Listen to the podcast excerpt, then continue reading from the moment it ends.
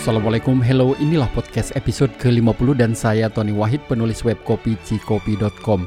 Kedai kopi di Jogja ini tidak menyediakan gula dan hanya buka setiap harinya dari mulai jam 4 hingga jam 8 malam.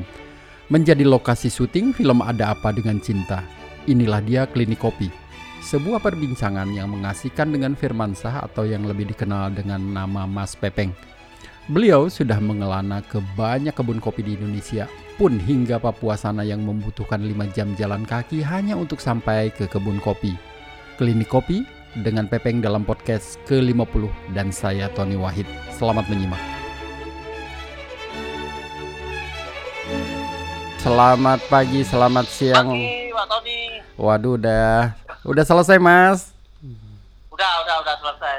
Wah, aman. lama banget nggak ketemu ya kita. Lama banget, lama banget. Senang sekali saya bisa ketemu lagi lewat telepon, walaupun lewat, Lewat telepon. suara, lewat suara, ya lewat suara. Aduh. Terakhir ketemu kapan Pak Tony?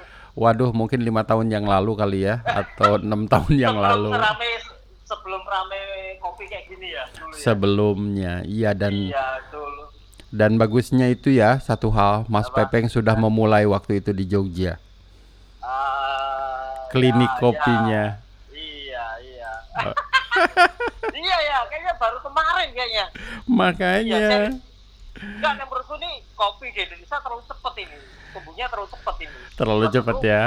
Eh, perkiraanku sih masih ya 15 atau 7 tahun ke depan lah tapi ini sangat cepat sekali perkembangannya cepat sekali cepat sekali cepat sekali Sangat cepat sekali dan saya ingat ini nih kelihatan di Iya, iya. catatannya bahwasannya saya ke sana itu tahun 2013. Jadi enam tahun yang Wah. lalu.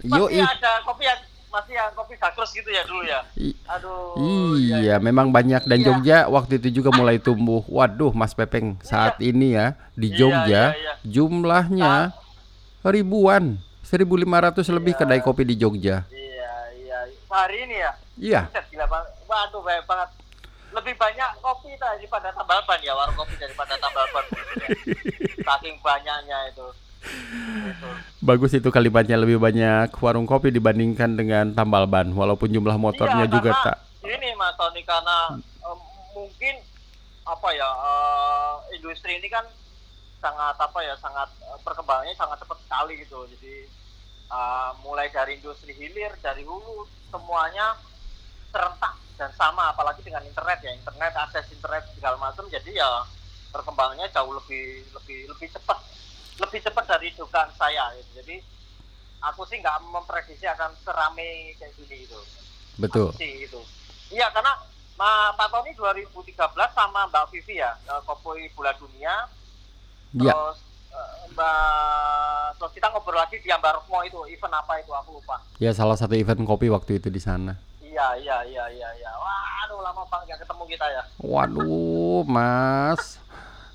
My Gimana? brother di Jogja sudah sangat sukses dalam arti kata klinik kopi menjadi salah satu panutan khususnya di Ya. kota Jogja, di Indonesia.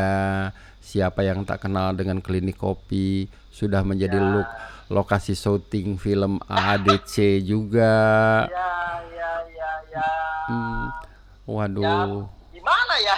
Ya aku juga bingung kalau ditanya rumusnya nggak tahu karena betul gini Pak Tony apa eh, itu kan kayak berkah gitu loh kayak eh, apa keberuntungan yang menurut saya. Nah, aku sih lebih menganggapnya sebuah keberuntungan yang menurut saya loh. Aku aku sendiri semua orang bisa di posisi saya. Hari ini bisa orang semua orang bi- bisa do- di posisi saya gitu. Cuman ya itu keberuntungan itu yang yang emang eh, yang ya nggak tahu tapi kalau di, ditarik ditarik ke belakang itu adalah rumusnya adalah keberuntungan itu ketika kesiapan produknya siap Iya, ketemu sama ketemu sama kesempatan gitu. Jadi ketika produk saya sudah siap terus ketemu pertama yang yang yang yang meliput itu adalah Pak Om Frans Om Frans dari Kompas itu. Itu pertama kali eh, media internasional meliput Clean Coffee itu itu viralnya dari situ. Jadi ketika produk nggak siap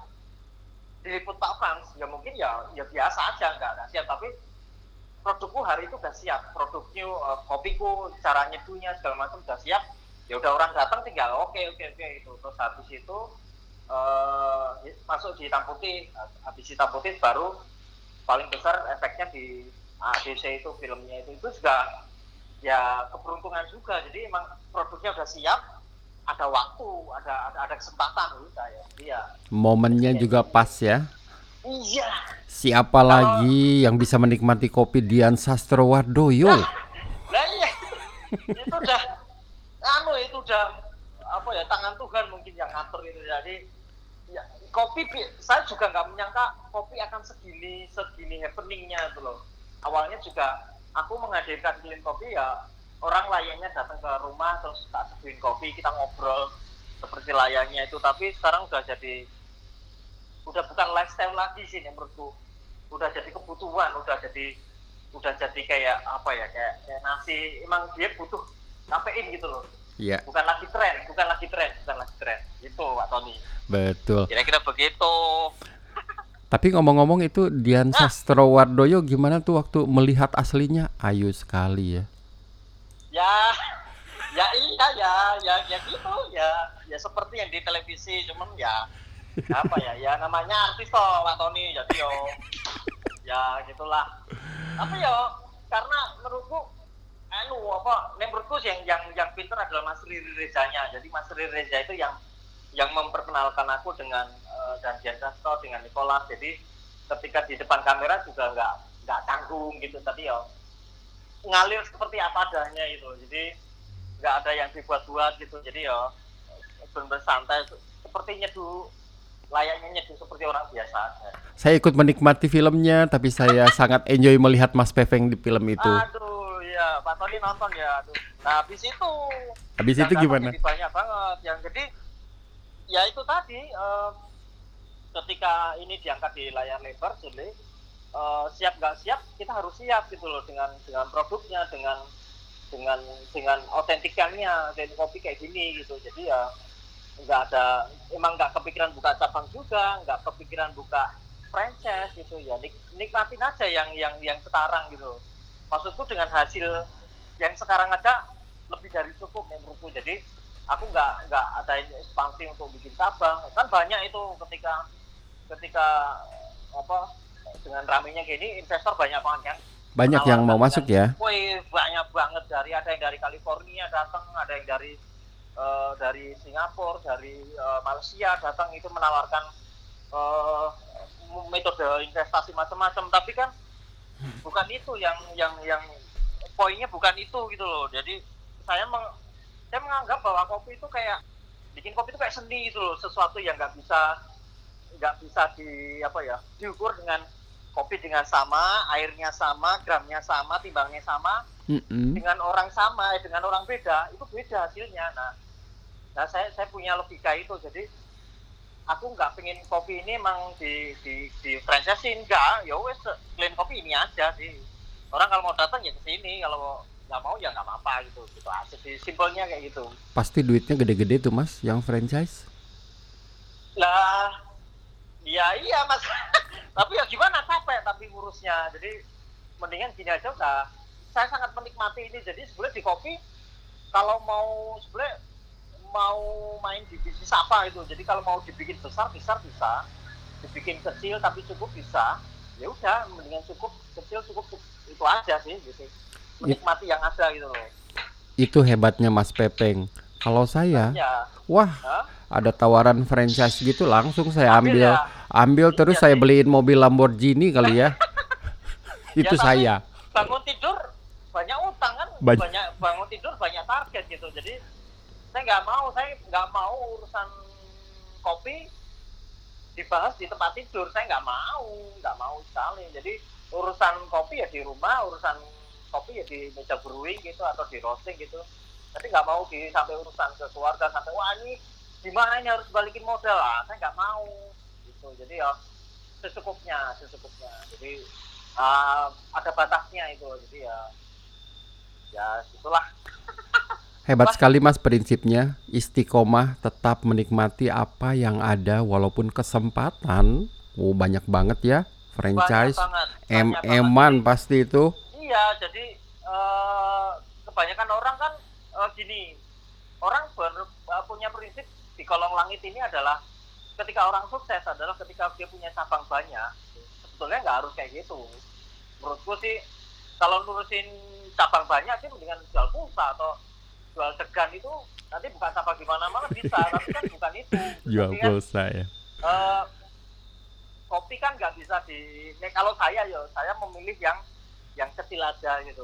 Kalau porsinya yang bahkan di tempat saya nggak ada kan tahu Pak Tony ya saya nggak ada susu nggak ada gula nggak ada creamer jadi pure kopi gitu. Jadi mereka saya pengen datang orang yang datang itu melihat uh, harfiahnya kopi itu buah gitu.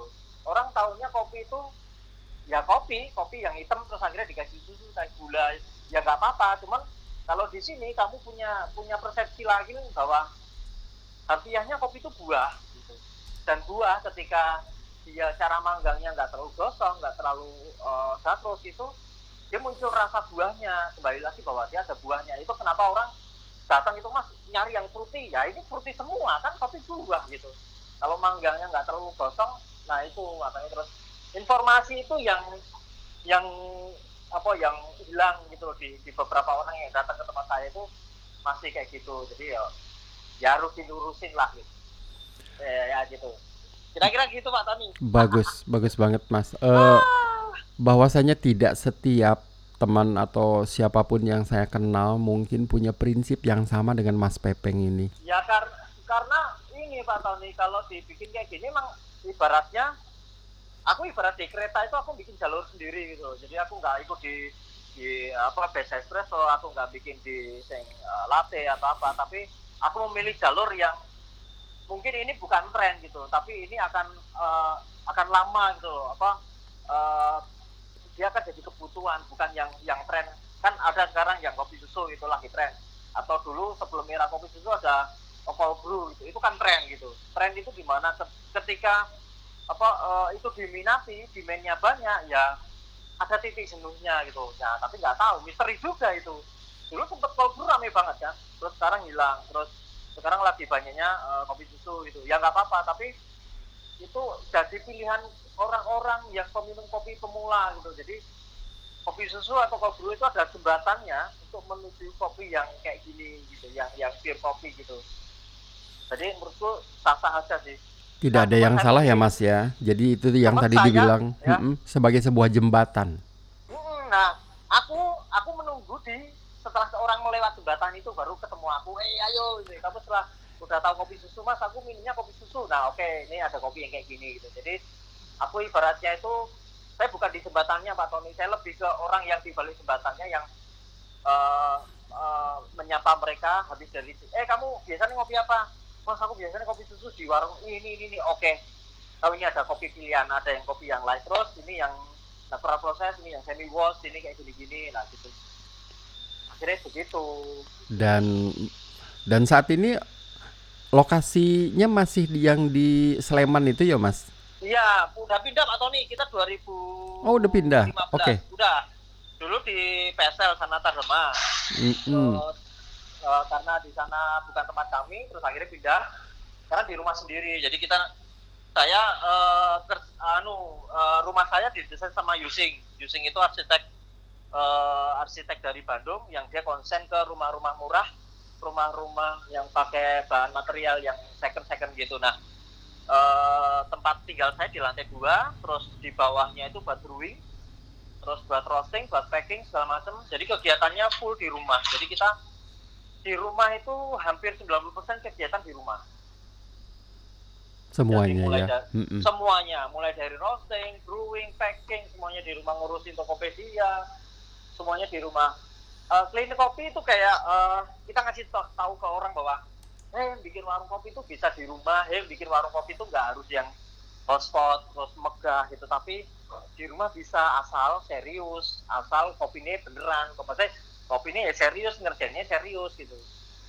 Ya contoh kita pengen ada ada opsi. Jadi ada warung kopi yang di pinggir jalan gitu ada orang yang yang ada hotspot gitu. Nah aku memilih yang ini loh ini yang versi rumahan bisa kayak gini gitu. Rata bisa gitu. Itu Pak Tony. Mungkin ya bagus sekali. Ya, ya saya itu arsiteknya saya udah saya melihat rumahnya juga ya barusan hmm. itu sangat alami dengan bahan-bahan material Nah, yang tak saya mahal. juga eh, saya juga terinspirasi dari warung-warung pergerakan di Jepang. Jadi saya saya terinspirasi dari eh, Omote Sando, sekarang jadi Kopi Mamea, terus ada About Life Coffee di Shibuya, terus ada apa itu eh, apa Onibus gitu. Ya, Saya lebih suka yang yang Jepang, yang yang yang kecil, yang intim. Jadi orang ketika datang itu disapa itu bener-bener disapa itu loh, bukan hanya halo kamu kopi apa? Dikasih menu enggak. Jadi obrolannya bener-bener ketemu orang langsung itu itu beda banget gitu loh. Jadi saya memanusiakan yang datang itu dengan ngobrol langsung bertatap muka bersalaman gitu. Kadang berangkulan gitu karena eh kamu dari mana? Kamu tahu kopi dari mana? gitu. Menyapa tiap hari gitu dan itu udah kita lakukan sampai enam tahun ini ini kan udah enam tahun pak Tony 6 tahun ya. ya enam tahun menyeduh Asik. terasa juga ya Mm-mm. By the way, kembali Hmm. lagi ke itu apa pemilihan desain rumahnya. Kok bisa ketemu Pak. sama Yusing itu gimana tuh waktu itu awalnya? Oke, awalnya saya rumahnya nggak kayak gini. Awalnya saya saya pengen eh, ketika dulu di Sanata Dharma, di terus saya saya pengen pindah gitu, terus kayaknya seru ya kalau kita punya warung kopi di rumah gitu. Kan belum ada di Jogja gitu atau di mana pun gitu. Nah, aku terinspirasi dari pergerakan di Jepang itu, wah keren juga ya ada ada Mote Sando, ada macam-macam gitu. Terus akhirnya eh, saya dikenalin Pak Yusing itu dari Pak Eko. Jadi Pak Eko itu salah satu arsitek bambu juga di Jogja itu terus saya temenan terus akhirnya ketemu Mas Yusing, Mas Yusing ngobrol-ngobrol terus ya udah terus didesain sama dia. Dari awal sampai sekarang gitu. Jadi eh, desainnya ya dari dia dari mulai dari tempat tinggal lantai dua ngat, ngatur eh, air flow-nya, ngatur bukaannya kayak gitu-gitu. Terus saya pengen rumah itu eh saya ngobrol sama Yusing gitu. Saya pengen yang ak- aktivitas sehariannya di rumah. Saya nggak pengen keluar rumah gitu. akhirnya dia didesain senyaman mungkin di rumah. Jadi dengan banyak pohon dengan ada suara dengan sebelah dengan kita nanam pohon gitu kita nggak usah pelihara burung burung akan datang sendiri gitu. Dengan kita pelihara ikan ya otomatis nggak ada nyamuk karena makan ikan segala macam gitu. Terus orang takut dengan banyak pohon nanti ada ulat di mana. Enggak kok ala asal kita enggak tidak mengganggu tidak mengganggu ekosistemnya mereka dia nggak- tidak akan masuk rumah kita gitu. Prinsipnya gitu sih.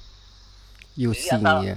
iya jadi mereka juga hewan ya, ya ber- bernyawa juga kan. Jadi sebenarnya misal pohon aja ya pohon itu tanaman itu kalau biasa ngobrol dikasih siramin gitu dia akan tumbuh dengan dengan bagus gitu.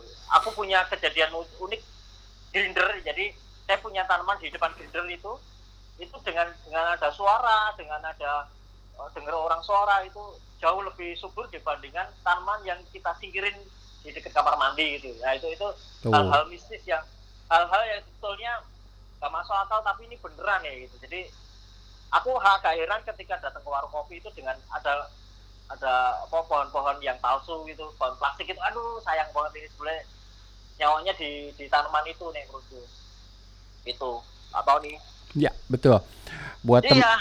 buat teman-teman podcast nanti kalau nanti tinggal di Google aja ya, Yusing arsitek itu eh, arsitek beliau lulusan ITB ITB dan beliau sangat terinspirasi dengan Romo Mangun Wijaya. oh iya iya iya Romo Mangun. Nah itu Romo Mangun juga gitu kan. Dia membangun tapi dia tidak me- mengubah ekosistem di situ. Jadi kayak rumahku ini juga waktu dibangun juga saya menyesuaikan pohonnya. Jadi pohonnya emang sengaja tidak ditebang pohonnya emang dibiarkan liar. Jadi eh, kalau bikin rumah kan cepat Pak Tony. Bisa nak pakai bisa eh, setahun jadi tapi Iya. kalau pohon pohon lama jadi mendingan posisi rumahnya menyesuaikan posisi pohon kalau saya gitu jadi tidak mengganggu gitu gitulah Begitulah. iya Nah, tapi Hmm. ngomong-ngomong jalan-jalan ke kebun kopi udah sampai ke mana aja? Kayaknya ini udah se-Indonesia dijelajahi Oh, sama Mas. Pepeng. eh 2000 mulai dari berapa ya 2014 saya kan dulu ngobrol sama Pak Tony ya saya pengen ke Papua itu Salah satunya ya. wah kejadian jadi sebenarnya doa itu itu akan dikabulkan ketika kita serius atau gini dulu kan aku bilang sama Tony ya, Ya. saya pengen ke Papua nih Pak Tony Saya aminkan waktu Jawa." itu. iya itu kejadian itu Bukan karena saya sih, 2000 Mas. iya itu kejadian 2000, Kejadiannya. kejad 2004 14 kalau nggak salah 2014 saya diundang sama dinas eh, perkebunan eh, perkehutanan di Oksibil di Pegunungan Bintang. Nah untuk eh, mencari apa kayak betulin petani di kopi di sana. Ternyata kopi di sana banyak banget di Pegunungan Bintang. Pak Tony kayak mungkin tahu ya Pegunungan Bintang ada di jadi Oksibil. Ya, di Oksibil di Oksibil terus terbang ke Obab, Oknanggul, Pepera terus eh, banyak banget Sabin, Pelepip banyak banget. Nah itu daerah-daerah itu penghasil kopi sebenarnya banyak cuman akses mereka ke ke, ke, ke bandaranya jauh banget jadi jadi ya itu kenapa eh, harga kopi dari Papua agak lebih mahal karena transportnya. Terus kedua tidak ada yang mengolah di sana. Artinya orang yang membantu mengolah di sana jadi ya ya kopinya gitu-gitu aja. Maksudnya ya cuman bikin semi wash gitu atau atau drying maksudnya jemurnya dengan matahari itu enggak. Padahal di sana kan kelembapannya ting- cukup tinggi dan dingin dan hujan terus gitu. Jadi emang harus pakai dom gitu kayak gitu-gitu. Jadi eh, saya 2014 itu membangun dom di dua tempat ya tiga tempat di sana sama dinas eh, kehutanan eh, itu terus akhirnya eh, bapaknya itu Pak Sadar itu akhirnya pensiun terus ya saya nggak kontak lagi. Tapi kalau mau eh, mau dapat sih sebenarnya gampang dengan dengan akses beberapa di sana. Cuman saya pengen dapat kopi yang benar-benar dari dari tangannya petani gitu. Saya nggak mau dari dari tengkulak atau ya mungkin operasi gitu. Tar- karena kualitasnya jauh banget ya. Jauh ya? jauh banget jauh. Oke. maksudnya dibandingkan dari orang yang serius ngelola gitu loh. Maksudnya Mm-mm. dengan penjemurnya fermentasi pola fermentasi gitu. Semakin ke sini semakin selektif saya itu. Jadi nggak bisa agak repot ya jadi lidahnya kan udah naik tuh Pak Tony jadi Iya, bagus lidah lah. kita kan iya jadi kan dulu ngicipin kopi kayak gini wah enak enak Ah, tapi ah. ketika ngicipin yang lebih tinggi lagi wah ini kayaknya kurang ini ada ini kayaknya eh, fermentasinya kurang atau gimana Dan itu 2000 apa ya 2000 berapa tadi? 2014 2014 terus 2015 saya ke Sumatera Barat eh, eh 2000 ya eh, Sumatera Barat saya ke Bukit Tinggi ke Lasi ada daerah di Lasi namanya di, di Lasi Tuwo itu di daerah Balso itu juga bukan penghasil kopi tapi dia nanam kopi di Hmm. Pak Suwardi namanya Pak Suwardi terus akhirnya dari Pak Suwardi eh, di Selaras Alang terus ketemu sama Adi Adi Solok ya? Solok nah Adi Mm-mm. Mas Tengku Tengku Mas gitu Firmansa. ketemu Ya. Nah, terus akhirnya terus dari situ 2015 sering ke situ hampir empat kali atau tiga kali baru eh, ketemu Adi terus dapat kopinya dari Pak Rajo tahu Pak Rajo Pak Rajo Hmm, belum. Nah, Pak Oke. Rajo yang danau atas danau bawah itu Mhm. terus habis itu terus saya intens beli kopi dari kopi ini Bunur dari Kota Baru Solok Sumatera Barat sampai sekarang ini kemarin Solok ya. gitu Oke. iya Solok Mhm. terus kalau area Jawa Jawa saya ya Clean Kopi bekerja sama dengan kelompok tani bangkit dari Senggani Banjarnegara. Itu unik lagi itu. Uniknya Itu apa unik tuh? lagi. uniknya lagi mereka bukan petani kopi. Em, mereka desanya tertinggal terpencil gitu. Eh, Mhm. bahkan toiletnya juga nggak ada gitu. Terus eh, Bu Murti namanya Bu Murti itu kepala desanya hubungi saya bisa nggak kalau saya dibetulin diajarin cara bikin kopinya gitu pak? Tanam kopinya cara ngolahnya oh bisa bu. Ya Eh, sempat gagal saya betulin di Ratamba di eh, berapa kilometer dari daerah situ. Nah Bu Murti salah satu orang yang mau berani mengubah mengubah hidup dari kopi itu. Jadi saya punya prinsip sama Bu Murti gini ketika kamu bisa ketika kita bisa merubah kualitas kopi kualitas kopi dari Banjarnegara dari Senggani ini kamu bisa merubah kualitas harga. Ketika kamu bisa merubah kualitas harga kamu bisa merubah kualitas hidupmu kamu bisa beli mobil atau kamu bisa beli motor kamu bisa beli TV atau kamu bisa sekolahin anak gitu. Dari kopi karena kopi harganya akan jauh lebih stabil dibandingkan komoditas lainnya itu 2015 saya ke sana harga cabai 90.000 orang nggak mau melihat kopi karena kopi harganya 25.000 atau berapa. Pada saat itu ya?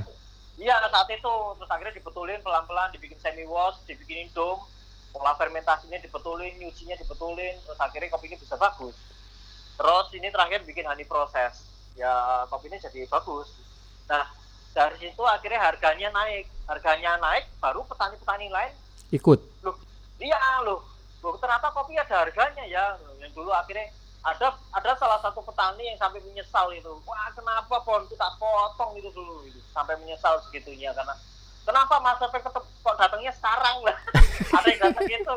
Loh maksudnya kenapa datangnya sekarang? Nggak dari dulu dulu iya. saya nggak tahu pak itu. Ya mungkin ketemunya sekarang gitu, gitu ada kayak gitu. Tapi beliau saat ini masih produksi ya?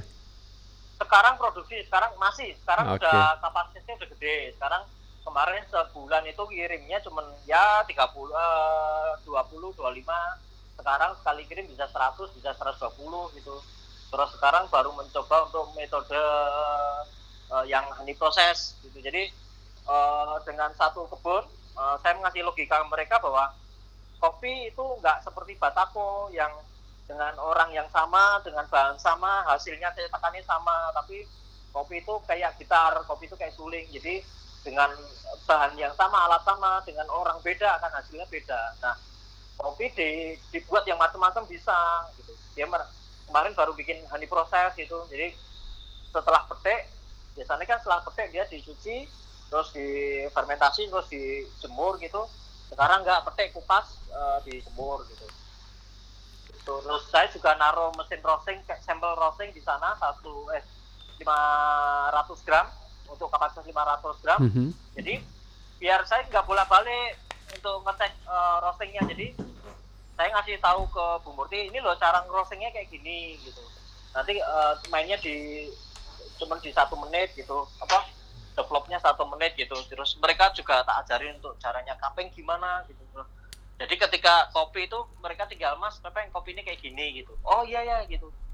Jadi mereka udah pakai standar saya, jadi ya kopi ini pasti bagus itu gitu Pak Tony Mas Pepeng sampai meninggalkan hmm. mesin roasting di petani ya ya jadi ada ada yang jadi ada teman saya yang bikin -hmm. mesin roasting namanya dry coffee. Dry coffee itu di Jogja gitu. -hmm. terus saya ngobrol-ngobrol waduh saya kayaknya aku butuh mesin roasting ya untuk petani sih. Karena kalau petani harusnya bisa ngicipin kopinya sendiri tanpa harus tak roastingin di Jogja gitu.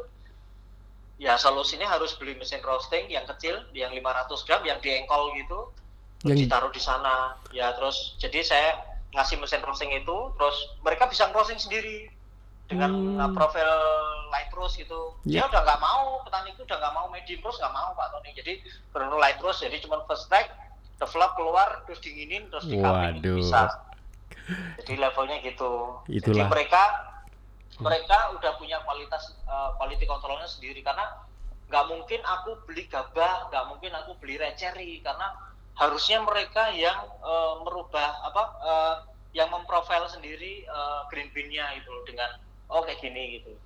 Itu Pak Tony hebat tenan sampean ini mas. Lah kalau nggak gitu nggak dapat bagus. Masalahnya uh, masalahnya juga pelik di di beberapa petani kan sekarang udah tergiur dengan menjual roast bean kan. Saya saya katakan gitu ya kalau kamu jual roast bean value-nya akan turun. Karena kamu harus nge-branding kamu harus packingnya gimana gitu. Iya. Yeah. ada porsinya sendiri-sendiri. Jadi dari petani mulai dari pupuk sampai green bean itu sebenarnya panjang banget. Itu akan panjang lagi ketika kamu menjual petani menjual roast bean atau udah jadi pupuk gitu. Mm-hmm. ya panjang sekali. Jadi ibarat kue kita bagi-bagi kue itu. Jadi ibaratnya kue, kue aku kerjanya sampai green bean sampai green bean aja udah capek loh terus aku baru dari roasting ke sini gitu. Iya. itu mas tugas hmm? bagus bagus sekali itu mungkin iya ya ya ya emang pengennya gitu pak Tony pengennya adalah pengennya mereka apa uh, saya pengennya ya kalau uh, pengen saya itu kopi bisa menarik orang anak-anak desa, anak-anak pemuda itu untuk balik ke desa. Pengenin saya gitu. Jadi eh, nggak uh, lagi mereka hanya kerja di kota, hanya jadi misal di supermarket, terus jaga counter pulsa gitu. Pulang bawa handphone gitu. Enggak harusnya kamu bisa mandiri di desa kamu ngolah itu kopinya dengan bagus itu orang akan datang sendirinya orang kan akan berlomba-lomba mencari karena apalagi per, pergerakan kopi ini cepat banget kan. Dulu belum mungkin belum banyak ya orang datang ke kebun foto-foto itu sekarang udah tiap warung kopi mungkin atau roster udah punya eh, foto-foto iya. iya ke kebun tuh udah kayak naik haji kan. Jadi foto-foto megang kopi itu megangin red cherry itu itu udah udah template gitu. Ya. Naik haji ya mas? Ke kebun iya, kopi. ya iya kan roster kan biasanya gitu kan. Roster datang ke kebun terus foto-foto terus iya. lihat gitu. Ya nggak apa-apa. Cuman itu kan sesuatu yang baru. Nah pinginnya adalah orang-orang orang-orang anak pemuda itu nggak harus keluar dari desa itu. Dia akan kenal desanya sendiri dia akan mengelola desanya sendiri gitu. entah nanti akhirnya mungkin buka warung atau seboleh jadi tour guide di situ. Jadi ternyata banyak banget yang bisa diulik di desa gitu. Banyak ya sayang sekali ya sayang sekali kalau mereka harus keluar desa terus akhirnya maaf di kota hanya jadi ya di supermarket atau jaga counter kayak gitu gitu kan rata-rata yang tak tanya gitu kamu kerja apa di di di di Bu Wonosobo gitu Wah, aku di ini mas di jual mie ayam atau apa oh iya ya hmm. dengan dengan kamu tinggal di desa value value mu akan lebih naik karena orang-orang dengan kopi orang akan datang mencarimu gitu apalagi kopi ini bagus gitu oh Pasti itu, iya. pasti. Iya. Tadi dibilang ada mesin roasting yang di engkol itu ya. Nanti boleh hmm. Kita minta ya. kontaknya, ya. kita ajakin ada, ada. ngobrol juga gampang oh, nanti. Oh iya iya. Hmm. Namanya Mas Yaki. Mas Yaki itu dia uh, asisten dosen di UGM, uh, eh, sering bikin mesin-mesin roasting yang yang apa itu yang apa uh, apa itu apa itu uh, yang modifikasi itu. Nah, kemarin dia bikin mesin roasting yang engkol.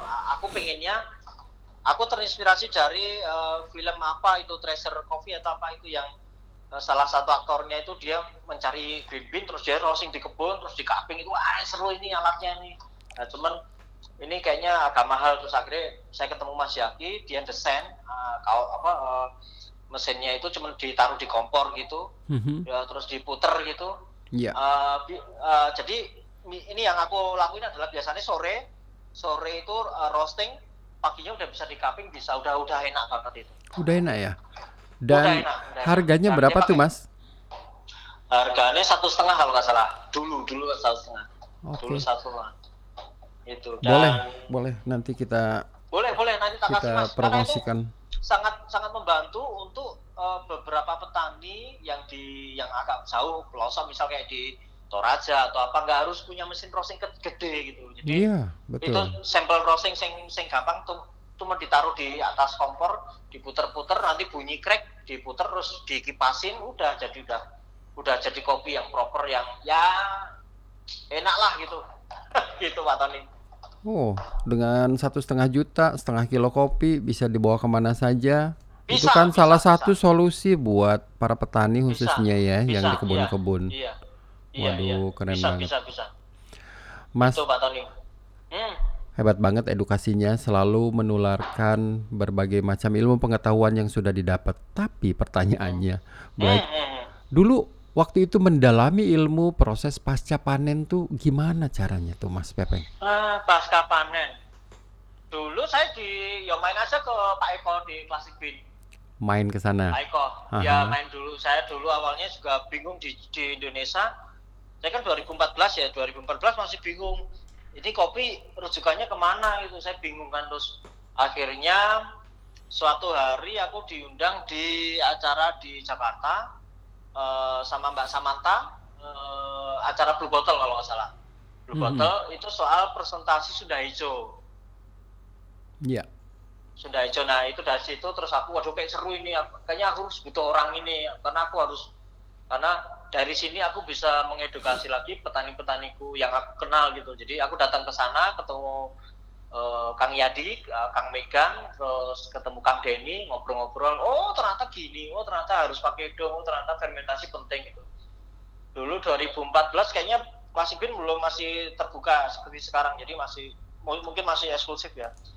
saya ke sana 2014 terus dari situ saya dapat informasi oh kayaknya harus dikembangin lagi gitu. Jadi saya saya memulai oh uh, saya udah tahu pondasinya kayak gini tinggal saya ngembangin selanjutnya. Jadi tinggal baca-baca aja kayak misal um, saya punya prosesor yang dari luar negeri apa itu dari Kolombia terus lihat gimana sih pola fermentasinya pola penjemurannya gimana gitu.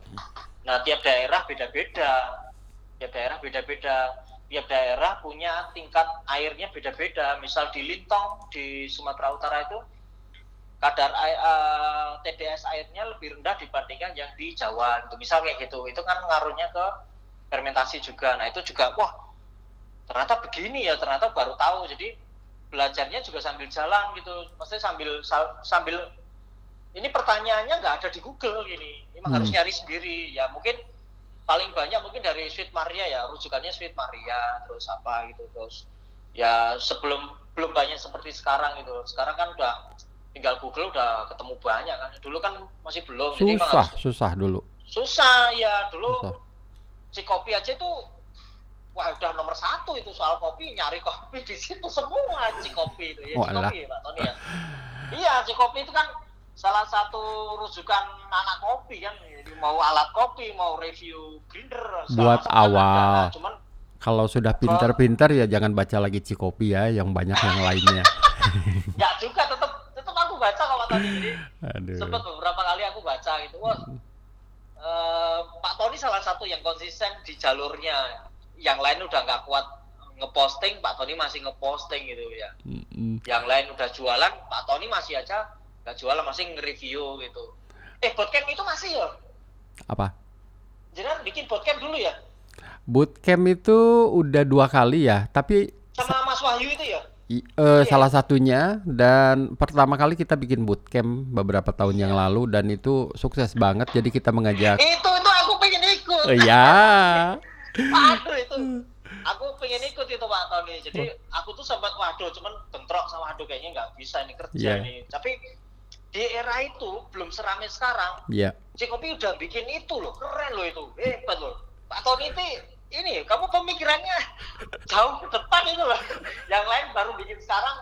Pak Tony udah udah mulai berapa tahun yang lalu itu hebat juga jalannya. Termasuk hebat itu. Ah itu. Uh, saat ini sih udah banyak ya yang ngajak-ngajak. Ya, udah banyak ya. ada kemarin bikin first crack atau apa itu atau Pak Eko bikin uh, klasipin bikin gitu. Tapi di era itu di era masih orang masih menganggap latte atau apa tapi Pak Tony udah udah mulai dari kebun kan udah oh iya yeah. aku dulu sempat pengen ikut itu kan ada Wahyu ada banyak ya, teman-teman banyak sekali satu bis gede jadi ahli kopi semua itu betul mungkin salah iya, satunya diajak capek ke naik gunung oh iya iya iya Pak Tony naik motor itu ya dulu ya iya, naik motor lah iya kan aku lihat fotonya itu oh, iya, iya. iya. Tapi memang Tapi capek. itu keren, Pak. Yeah. Itu kalau dibikin sekarang, itu jangan Pak Tony posting, udah habis itu, tik, uh, sol, sol terus itu. Oh, bikin itu. Serius, serius. Karena sekarang, eh, Pak Tony nggak bikin lagi. Nantilah, kapan-kapan kita bikin lagi. Tapi yang jelas niatnya adalah bagaimana, kan banyak kan uh, barista di kedai kopi tidak tahu, belum pernah ke kebun kopi, bagaimana iya, susahnya iya, orang iya, tuh ke kebun kopi Waktu itu salah satu tesnya adalah mengangkut beban 40 kilo, beban yang biasa dibawa iya. para petani kopi. Iya. Dan jalannya adalah nanjak, turun iya. naik. Nah, kamu coba rasakan 100 meter aja, lumayan kan ngos-ngosan. ini ini oke, boleh percaya boleh enggak ini. Yeah. Aku kalau beli biji kopi, kalau beli green bean, nggak pernah nawar. Kalau nawar kopinya nggak enak. Mungkin salah satu itu ya orang yang udah gotong dari atas dari bawah eh dari bawah ditawar. Waduh waduh gotong sendiri? Mas. ya kan? Ada kan kayak gitu kan? Kita yeah. jual iya. green bean gitu. Mas bisa kurang nggak? Wah kurang. Nggak gotong sendiri aja gitu. Jadi nah itu betul mas.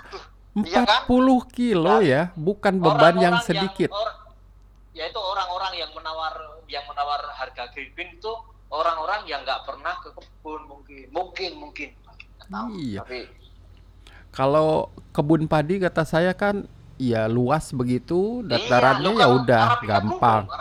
Gunung, Gunung. Iya. Aduh, Tapi tapi beda mungkin di perkebunan lintong ya. Kalau lintong mungkin beda. Pak Tony udah pernah ke lintong? belum Thomas. Ah, itu Mas Pepeng itu tuh banyak banget pengalamannya nih. Silahkan di Lintong sharing Mas. itu oke. Saya eh, kenapa saya ke Lintong? Saya punya eh, saya pengalaman lucu. Jadi saya saya suka dengan nggak tahu kenapa saya suka wet hall, nggak tahu. Jadi suatu hari saya ada teman saya dari dari Australia bawa kopi dari Australia terus diseduhin gitu terus eh, tak icipin gitu. Wih, apa ini kopinya kok nggak kayak kopi ini? Ini wet hall itu. Dari mana? Dari Sumatera Utara. Nah, saya dari situ mulai ngicipin terus akhirnya ketemu eh, saya ngambil eh, kopi dari Classic Bean itu namanya eh, Bata Tolu. Nah, itu itu salah satu Bata Tolu. Bata Tolu dapat kopi terus akhirnya saya pingin dapat kopi yang saya pingin nyari dapat sendiri gitu. Dalam artian saya pingin tahu gimana sih kenapa orang bikin wet hall gitu. 2017 akhir saya ke Sumatera Utara melihat proses gimana wet hall itu dilakukan. Setelah ke sana itu baru tahu bahwa ternyata di Sumatera Utara Sumatera Utara hanya wet hall. Dia nggak mengenal natural, dia nggak mengenal semi wash. Karena Mhm. prosesnya prosesnya itu emang turun menurun. Jadi Pak Tony tahu wet hall ya? Tahu Iya, ya? iya. Nggak tahu ya. Oke. Mm, Jadi Atau boleh itu- dijelaskan buat Oke, di oke, podcast ini. waduh. Mm-mm. Jadi wet hall itu prosesnya setelah dikupas, biji kopi dikupas, Mm-mm.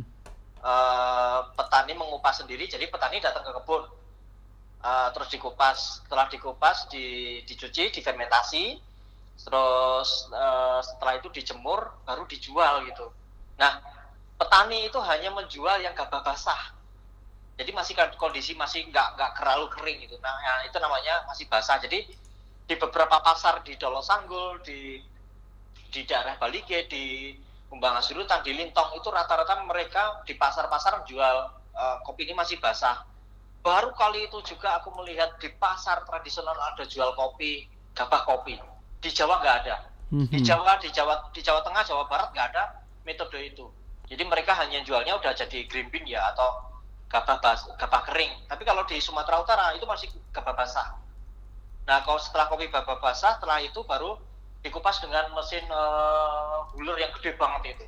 Jadi kopinya eh, alatnya dari Lampung itu. Gede banget. Jadi beberapa prosesor itu dia punya alat yang gede banget dan punya penjemuran yang lebih gede namanya dikupas setelah dikupas nanti baru nanti disortir lagi. Setelah dikupas nanti kondisi gabah itu masih basah eh apa eh, green bean masih basah dijemur. Mhm. nah proses penjemuran itu beda banget sama yang yang lainnya. Jadi kan biasanya kan gabah kering diker- dikupas ya. Kalau ini gabah basah dikupas dijemurnya green bean. Nah itu itu unik banget itu. Itu hanya ada di Sumatera Utara. Jadi kalau saya menemukan kopi Sumatera Utara natural hmm, enggak aku seneng wet hall ya karena wet hall itu kayak kayak apa ya kayak identitas mereka itu. Identitas mereka. Jadi eh, tahun berapa ya kalau nggak salah itu sampai supply di Sumatera Utara kan kekurangan. Ambilnya Mhm. dari Jawa dari Jawa Barat itu gabah masih gabah basah diambil terus nanti dikupas di Sumatera Utara ya jadinya wet hall. Jadi sama. Sama ya? enak itu. Hmm. Ada jadi beberapa Oke. tengkulak eh, dengan metode kayak gitu sih jadi saya tahu dan pro- prosesnya adalah petani dengan begitu cepat dapat uang petaninya jadi eh, bulan Desember itu kan mau Natal saya ke sana petani itu bawa gabah basi basah dijual ke dibawa ke tokek namanya tokek itu tengkolak itu Mhm. dia pulang udah dapat uang buat beli apa eh, cemara buat Natalan sama baju Natal gitu. Jadi wah kopi bisa kayak gini ya bisa bisa segininya bisa bisa membuat jadi jadi tumpuan hidup mereka gitu. Cuman sayangnya beberapa petani yang saya temuin mereka nggak minum kopi jadi agak agak sayang sih gitu karena ya tau lah eh, isu di ada buat misius segala macam jadi aduh ini sayang sih Wah, pengalamannya asik banget ya di Lintong Iya, sana.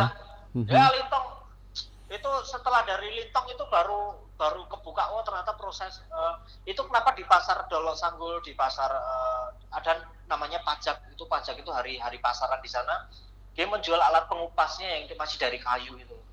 Harganya lima ratus ribuan itu.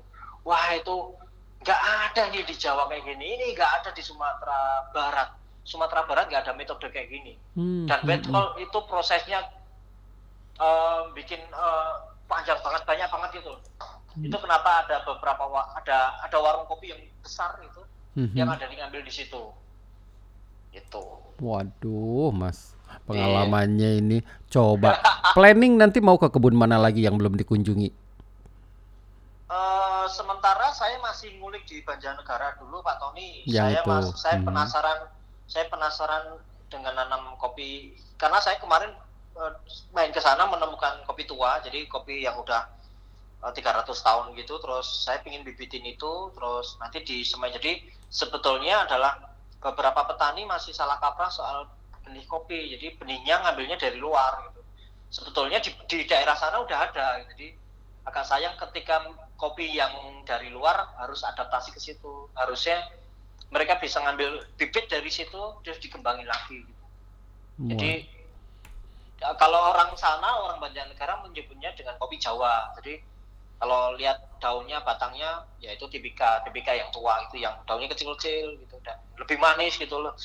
Binnya eh, kayak apa eh, lebih panjang-panjang gitu, teksturnya beda terus kulitnya juga kayak aru- eh, rasanya kayak pepaya gitu, manis gitu walaupun belum matang banget, tapi yang matang itu benar kayak pepaya gitu. Hmm, Aduh, enak gitu. saya mencoba membayangkan atau imajinasi ini ya, Mas Pepeng pandai Iya, banget.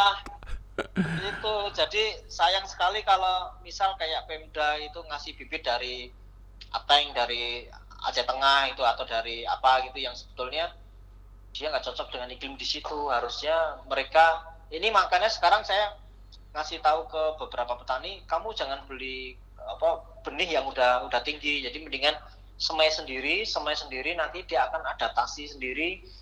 Gimana sih nanti akan akan tumbuhnya adaptasi ini kemarin ada satu petak itu yang dia semai sendiri dan pohonnya jauh lebih tahan hama dan lau- lebih subur dibandingkan yang dia uh, bantuan dari Pemda. Jadi bantuan Pemda kan udah tinggi yang 3, 30 cm gitu. Itu adaptasinya jauh lebih susah, pupuknya jauh lebih banyak kalau yang semai sendiri jauh lebih cepat. Jadi logikanya kayak gini sih. Mhm. Ketika kita mengadopsi anak anak yang udah umur misal kayak eh, dua tahun itu agak susah adaptasinya dibandingkan yang masih bayi yang ya lebih gampang kita lebih kenal gitu. Gitu sih. Analoginya kayak begitu ya, Mas ya. Iya, jadi Oke. Ya Gitu. loh, Mas Pepeng. Nah, ini pengalaman ke kebunnya asik banget, tapi satu hal saja, yang tadi Medan Papua itu kan infrastrukturnya apa? Medannya sulit banget ya. eh, Sesulit apa sih di sana itu sebetulnya? Kalau ya sulit Pak Tony karena emang eh, tahun 2014 itu belum ada akses sampai ke desa-desa. Jadi sebetulnya kalau naik pesawat bisa cuma 15 menit. Jadi dari eh, poinnya itu saya karena saya bermalamnya di Oksibil, ya Oksibil misal ke Sabin gitu, naik pesawat ke Sabin paling 15 menit ya, 15 menit. Mhm. Terus dari dari bandara itu rata-rata tiap desa dia punya bandara rata-rata. Rata-rata. Jadi satu kecamatan berapa desa pasti dia punya bandara Oh, oke. kecil gitu. Mhm. landing gitu. Dan eh, landing di situ terus nanti tinggal turun. Nanti ada lagi desanya di atasnya lagi. Jadi kita harus jalan gitu. Terus di sana terus yang nginep di sana. Kalau anu ya bermalam di sana gitu. Terus nanti eh, mereka di masih belum tahu sih. Mereka kan bukan sebenarnya bukan penanam kopi di di Papua kan masih baru juga sebetulnya. Jadi bukan bukan seperti yang di Jawa yang infrastrukturnya jauh lebih gampang. Kita naik naik motor aja bisa naik trail gitu. Jadi udah sampai kebunnya. Nih kalau di sana udah nggak bisa. Harus bener jalan. Dan jalannya rata-rata bisa sampai 5 jam 6 jam gitu. Jalan kaki. Jadi belum gotongnya lagi. Aduh itu makanya jadi harganya Ya mahal ya, Belum. Mas ya. Iya, terus nanti dari bandara itu kan kita pakai ini twin otter itu, jadi pakai apa? eh, Baling-baling. jadi Baling-baling. Nah itu eh, dan itu pun juga nggak bisa nggak bisa semaunya ada penerbangan, jadi bisa tiba-tiba eh, kita kita udah dapat tiket ini ya, udah dapat tiket, udah nunggu di bandara, tiba-tiba di depan sana ada kabut, oh pesawatnya nggak bisa landing, Nggak So, jadi. ya berarti kita iya nggak jadi, jadi kita harus nginep di bandara itu. Jadi setiap itu harus kita bawa makanan gitu. Terus nanti pindah lagi gitu. Waduh, susah banget. Tuh. Oke, Ya susah. susah. Lumayan. Tapi itu seninya loh dalam Iya, perjalanannya. tapi seru. Sebetulnya yang membuat membuat kopi itu menjadi menarik kan sebenarnya ceritanya Pak Pak Tony. Di belakangnya Kan, itu ya. Iya, kayak- kayaknya Pak Tony pernah nulis ya, kopi nggak bakal habis untuk diceritakan. Ini bener itu, serius, serius. Iya. Aku pernah lihat di Instagram itu, Iya kemarin. kopi nggak, eh kemarin ya, kapan Iya. itu kopi nggak pernah Habis pernah untuk diceritakan. diceritakan. Iya, karena eh, kopi ini punya cerita yang yang yang banyak gitu dan ketika value value-nya akan naik ketika kita bisa tahu ceritanya itu. Jadi kalau di Islam kan ada halal dan tojiban. Halal itu ya halal, Hmm. aman. Tojiban itu kan asal usulnya jelas. Iya. ya ketika ngopi, "Eh, ini kopi dari mana? Dari ini. Oh, ini petani siapa? Oh, ini. Oh, ya seru lah gitu. Jadi kayak orang-orang yang datang ke klinik kopi kan mereka datang kan Mas ini kopi dari mana itu? Ini dari Senggani, Banjarnegara. Oh, dari mana itu? Aku ada pengalaman lucu ini. Jadi Nah, kemarin ada ada ada ada salah satu pengunjung saya dari Bologna dari Itali. Dia orang Itali dan dia tinggal di sana. Dia dia tahu klien kopi dari internet segala macam. Terus dia datang, aku pengen kopi Banjarnegara yang kayak gimana gitu. Tak bikinin, tak ceritain gini. Ini kopi ini dari desa Senggani Banjarnegara di Pejawaran, di desa Pejawaran. Udah ngicipin dia langsung nangis.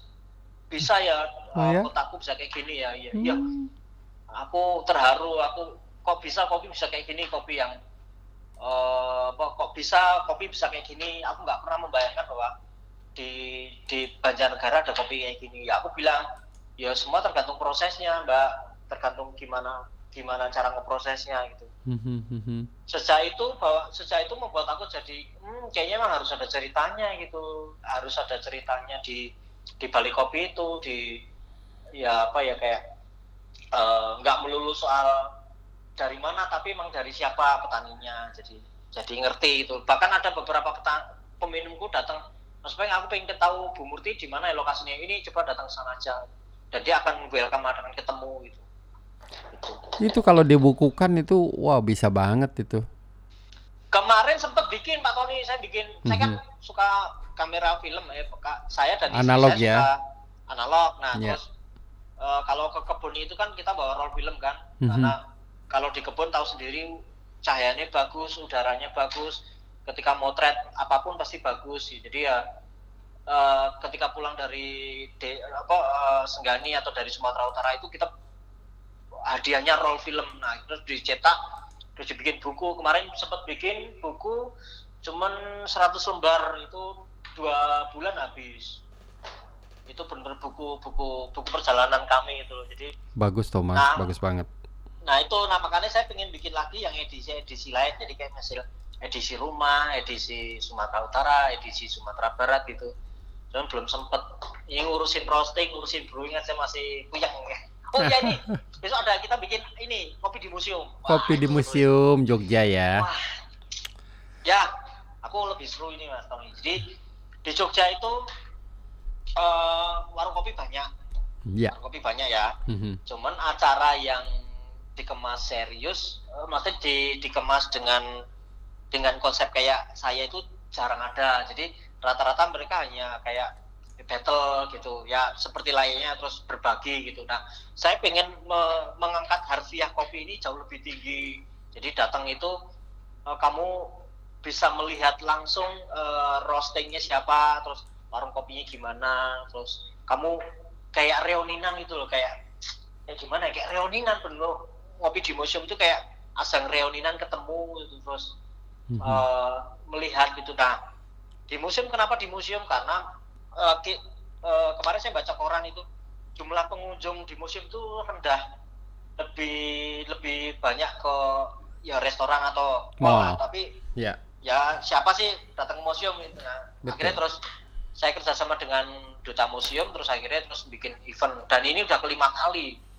kita bikin acara per empat bulan bayangin per empat bulan rata-rata yang datang seribu Waduh, banyak banyak. dua penuh Ya. banyak banget dan capek ngurusnya Tapi senang kan hasilnya ya Mas Pepeng. Seneng karena seneng datang banget. ke Hmm. situ eh, beberapa pengunjung itu bisa lihat gimana model bisnis warung. Jadi kan kalau yang pertama kan masih belum terkonsep, masih warung biasa. Terus yang kedua udah mulai diatur cara flow-nya masuknya gimana. Museum ketiga itu ada beberapa non coffee juga tapi yo bagus. Nah keempat kemarin udah mulai terkonsep hanya roastery. Jadi beberapa roastery yang di Jogja kita kurasi ayo terus akhirnya bikin uh, acara ngopi di museum terus yang kelima ini uh, temanya lebih beragam. Jadi ada warung kopi kecil namanya uh, nomor 8 itu Ucil di Kudus itu. Dia warung rumahan. Mm-hmm. di rumah gitu. Oh. terus kita undang mau nanti tak kasih nomornya ada itu seru itu. Okay, okay, itu okay sama lagi ada pitutur. Pitutur itu juga seru juga. Pitutur itu uh, ya warungnya kecil juga tapi dia buku musik segala macam gitu. Terus ada lagi gayo. Gayo itu warung angkringan jadi angkringan bener-bener angkringan gitu. Mm-hmm. seru nah di ada juga epic. Epic tahu tuh pak uh, pak ya, tahu tahu ya, tahu, ya, uh, tahu. nah itu bayangin aja itu kayak kayak wosoknya loh wostok jadi ada beberapa musik datang kumpul jadi satu. Nah aku pengennya kayak gitu. Jadi ada kayak kayak festival merayakan kopi bareng-bareng gitu. Waduh. itu satu panggung gitu. Asik. pengennya ngundang Pak Tony nih. Besok kapan ke mana undang deh Insya Allah kalau nanti kita bisa ketemu ya Mas ya dan iya iya wah ini cerita Mas Pepeng tuh nggak habis-habis kalau mau didengarkan Mas betulan. Iya, iya. Keliling Indonesia ke kebun kopi, mengedukasi para petani kopi dan banyak segudang cerita yang lainnya. Dan iya. satu hal lagi, donasi pohon kopi. Apa tuh? Donasi sekalian kita omongin nih. Sumatera Barat. Solok Sumatera ya. Barat. Jadi ya Solok. Jadi waktu itu di tempatnya Bunur itu dia punya lahan.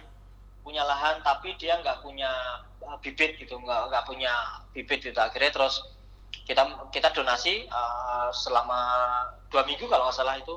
Orang datang mau nggak donasi? gitu. Satu pohon harganya lima puluh ribu. Terus akhirnya terus mereka nyumbang. Terus akhirnya terkumpul satu juta berapa ya? Atau dua juta lupa. Terus akhirnya dibeliin bibit uh, buat ditanam di kebunnya Bu Nur yang di Jorong Kota Baru. Dan itu sampai sekarang masih. Dan sekarang kemarin aku dapat info dari Bu Nur uh, dia udah berbuah udah panen pertama. Gitu. Oke oke. Dan itu. ini masih berjalan ya mas ya? Uh, untuk sementara ini baru proyek pertama dulu. Kalau okay. ini berjalan baru mungkin akan akan metode itu akan saya gunakan untuk di beberapa daerah yang misal benar-benar butuh bantuan gitu. Jadi mungkin mungkin yang besok mungkin bukan lagi bibit kopi tapi tapi masih gabah gitu jadi okay. saya belajar dari dulu ternyata kayaknya lebih gampang gabah deh daripada yang pohon udah jadi gitu jadi belajar dari itu juga buat teman-teman buat teman-teman nanti yang ingin berkontribusi kepada Mas Pepeng silahkan dibuka webnya untuk donasi pohon kopi. Oh, tapi itu untuk sementara tak tutup dulu. Aku lihat tak tutup dulu. Biasanya Oke. Okay. Progresnya kan sampai dua tahun gitu, uh, dua tahun atau tiga tahun. Oh, gitu, oke. Okay. Aku laporan dulu ini pohonnya udah segini, pohonnya segini. Uh, nanti kita infokan juga ke yang donasi. Kayaknya aku masih datanya masih ada kok, datanya semuanya. Bagus datanya loh Mas ini yang, programnya. Yang donasi siapa, mau ngasih uang berapa, semuanya datanya udah ada, tinggal nanti dipublish sama foto-foto terupdate. Foto terupdate kemarin saya sudah dapat, saya juga udah laporan di Instagram bahwa ini loh yang udah donasi, terima kasih, fotonya seperti ini gitu. Jadi saya uh, saya cuma me, apa, uh, memberikan informasi saya mengasihkan uang itu ke koperasi apa Salorajo terus mereka belikan ditanam berdua gitu. dan benar waktu ketemu terakhir itu saya juga makasih bilangin ke teman-temannya Mas Lopeng terima kasih bantuannya gitu ya saya tulis juga di Instagram bahwa terima kasih sudah membantu bla terus ini sangat membantu sekali untuk mereka yang yang yang pengen nanam kopi tapi nggak punya nggak punya bibit gitu. Oke. Okay. Gitu. gitu Pak Tony. Waduh, Mas ini Mas Pepeng ini E to Z, E to Z jadinya tuh. Apa itu? Dari A sampai ke Z, semua dilakoni. Apa yang bisa Mas ah. Pepeng bantu kepada para petani dilakukan tanpa banyak pertanyaan-pertanyaan. Ini bagus nih. Ya, Kredibilitasnya luar iya. biasa dan waduh Mas, satu hal lagi masih tetap roasting. roasting. roasting. Nah, nah roasting. ceritanya bagaimana ini? roasting? Roasting itu dulu saya dua, saya pakai William yang satu kilo dulu. Satu kilo ya, iya. Mm uh, dulu saya awalnya juga saya mengawali klinik kopi karena klinik kopi bukan dari roaster, tapi dari brewing, dari brewing. Nah, set, uh, lidah kan membaik ya, indera indera pengecap kita membaik itu. Dulu dark roast, sekarang pengen medium, terus ketemu light roast. Nah, dulu saya rujukannya di Mas Indru, Indrutan di 115 eh. Andrew Tan. ya? Eh, Indrutan itu apa ya? 115, 115 dulunya dia. Ah, bukan. Mob, lagi. mob Apa? kopi. Ah, mob, mob. Nah, itu Ya. saya dulu suka itu eh, ada dua orang yang mengubah hidup saya orang di di Indonesia itu pertama Indrutan Andrew sama Tan. Mas Anto Ireng, Mas Anto Ireng. Waduh, Itu saya suka. hebat Anto banget. Iya. itu itu orang yang berjasa di saya. Jadi saya ngicipi kopi itu kayak ini ini ini ini Indonesia bisa kayak gini gila ini. Mm-mm. Nah setelah itu eh, Pak eh, Pak Tony tahu Anto Ireng ya? Oh, kenal baik itu teman nah, sobat sobat sobat. Yang itu loh, Iya. yang ringannya sombong itu loh. Oh, Hebat itu. itu gerobak itu alat Wah, giling itu- kopinya songong itu. Iya, gilingnya udah pakai itu lagi wah sombong banget. Tapi saya belum pernah ke sana ya. saya kemarin saya punya utang, saya pengen ke sana ini. Nah itu dua orang itu yang yang sangat sangat oh itu dua terus awalnya dua itu saya pengen dapat kopi yang kayak gini. Mhm. Nah karena kalau dibeli-beli online kan nggak ada kan ya cuma dua orang itu ya. Terus akhirnya saya kepikiran eh, crossing sendiri 2014 itu nabung saya bingung juga itu ini belajar roasting ke mana ya gitu. Hari itu kan saya ketemu Mbak Vivi kupu-kupu bola dunia. Iya, Vivi di Itu- Kopi Bali ya. Mhm. kopi bola dunia dulu masih kerja di bola dunia. Itu waktu ketemu di Ambarukmo di Ambarukmo kayaknya eventnya Pak Tony juga deh. Iya. ya nah itu ketemu itu momen pertama aku mau belajar roasting gimana caranya? Eh, ya kamu main aja ke tempatku. Nah terus akhirnya di aku ke kantornya dia di bola dunia di kupu-kupu bola dunia ini di Bali. Iya. Eh, logikanya saya dapat caranya ternyata crossing itu menyenangkan. Crossing itu sesuatu yang yang menggembirakan. Crossing itu bukan sesuatu yang tekanan tapi saya sangat menikmati gimana Vivi menunjukkan dia roasting dia sangat enjoy sekali dengan segelas eh, minuman dinginnya mak- sambil makan. Roasting wah keren dia. Nggak seperti yang aku bayangkan bahwa roasting itu serius. Tuh. nah dari situ aku beli pertama itu adalah mesin roasting Pak William yang satu kilo Iya. Satu kilo waktu 2000 itu. ya 2014 sampai 2018 saya masih pakai itu 2018 sudah mulai keteteran karena jumlah Pesanan karena semakin banyak. iya tiap hari crossing karena tiap hari saya minim, eh, minimal 12 kilo satu kilo jadi capek juga 2018 saya akhirnya beli eh, Nor- eh, VNT yang Nordic I- yang 3 kilo Tiga Mas kilo Willy, Mas ya. Willy Mas Willy Mas Willy Iya. Ya Iya. Mas Willy, nah saya saya gara-gara naik ketemu sama Isman, Isman say something, eh, Mhm. kan, man aku mau beli probat ini, eh, kamu ada yang info nggak? Itu, oh nggak usah, coba eh, ini, coba kamu ke tempatku udah eh, nyoba pakai mesin probat sama coba pakai eh, VNT, akhirnya terus janjian terus ketemu crossing lo kok sama, terus diceritain sama Mas Willy bahwa probat itu apa eh, VNT itu kayak gini-gini, udah langsung beli, langsung sampai sekarang. Tiga kilo ya Uh, kapasitasnya Sekarang saat 3 ini. kilo, kapasitas 3 kilo, alhamdulillah. Ya naik lah, ya pasti naik lah, pasti Mhm. jumlah produksinya pasti naik. Yang dulu seminggu tiga ya banyak lah, cukup lah Pak Tony. Nggak enak juga bicara angka ini. Ah, nggak apa-apa. lah, Nanti cukup lah, cukup.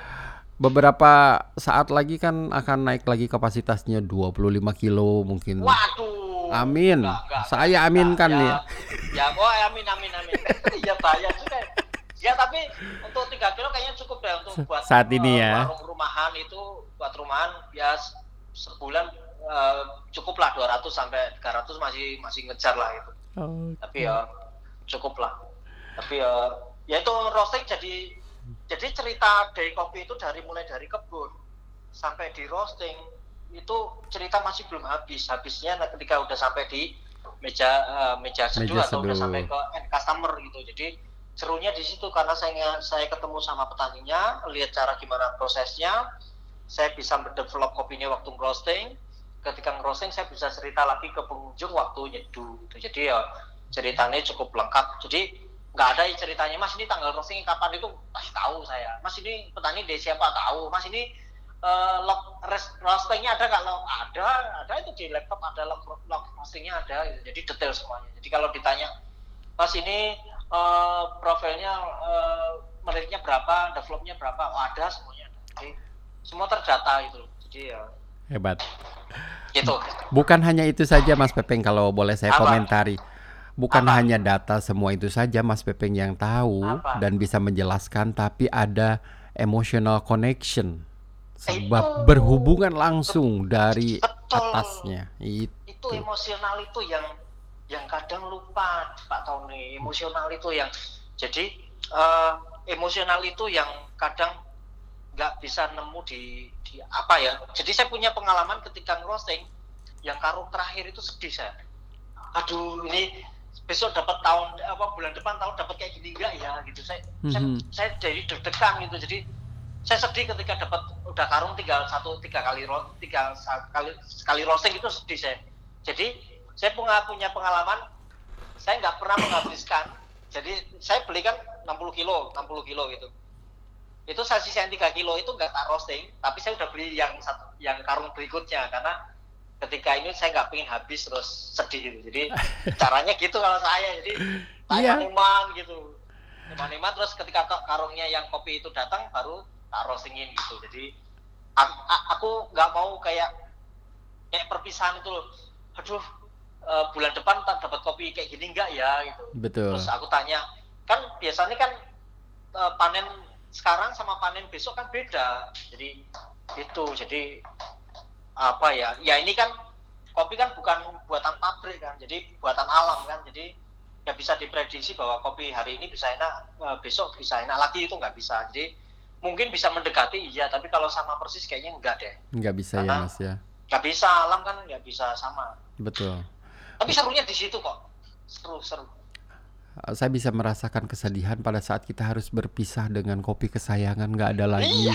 Terus terkenang-kenang ngelamun, aduh kopi ini enak banget nih ya, tapi nggak ada. Iya. Wah itu saya tuh. saya punya pengalaman lucu waktu saya kopi dapat dari uh, ya ada di di Jawa Barat gitu saya bilang kopi ini enak sekali nih tapi ini udah terakhir Bay. kenapa ya udah nggak ada lagi waduh ya udah ada lagi beberapa petaniku yang yang ya bapaknya meninggal gitu terus uh, akhirnya terus dia sedih terus dia nggak mau di kopi gitu ada juga oh ya udah Hmm, ada juga yang hmm. eh, misal koperasi ini bagus terus koperasi ini pecah kongsi gitu. terus akhirnya saya bingung mau ngambil di mana ya terus yaudah aku nggak ngambil keduanya karena menghargai keduanya itu Iya iya iya jadi iya. di kopi di kopi nggak melulu soal beli bicara soal beli jual beli tapi kita menghargai orang-orang yang di balik itu jadi aku sih punya prinsip gini ya Pak Tony Mm-mm. saya nggak pernah curang di bisnis ini saya nggak mau curang di bisnis karena saya Mhm. menganggap petaniku adalah keluargaku petaniku adalah orang tuaku jadi kalau kita curang sama orang tua ya habis kamu Kualat ya Mas gitu ya. sih.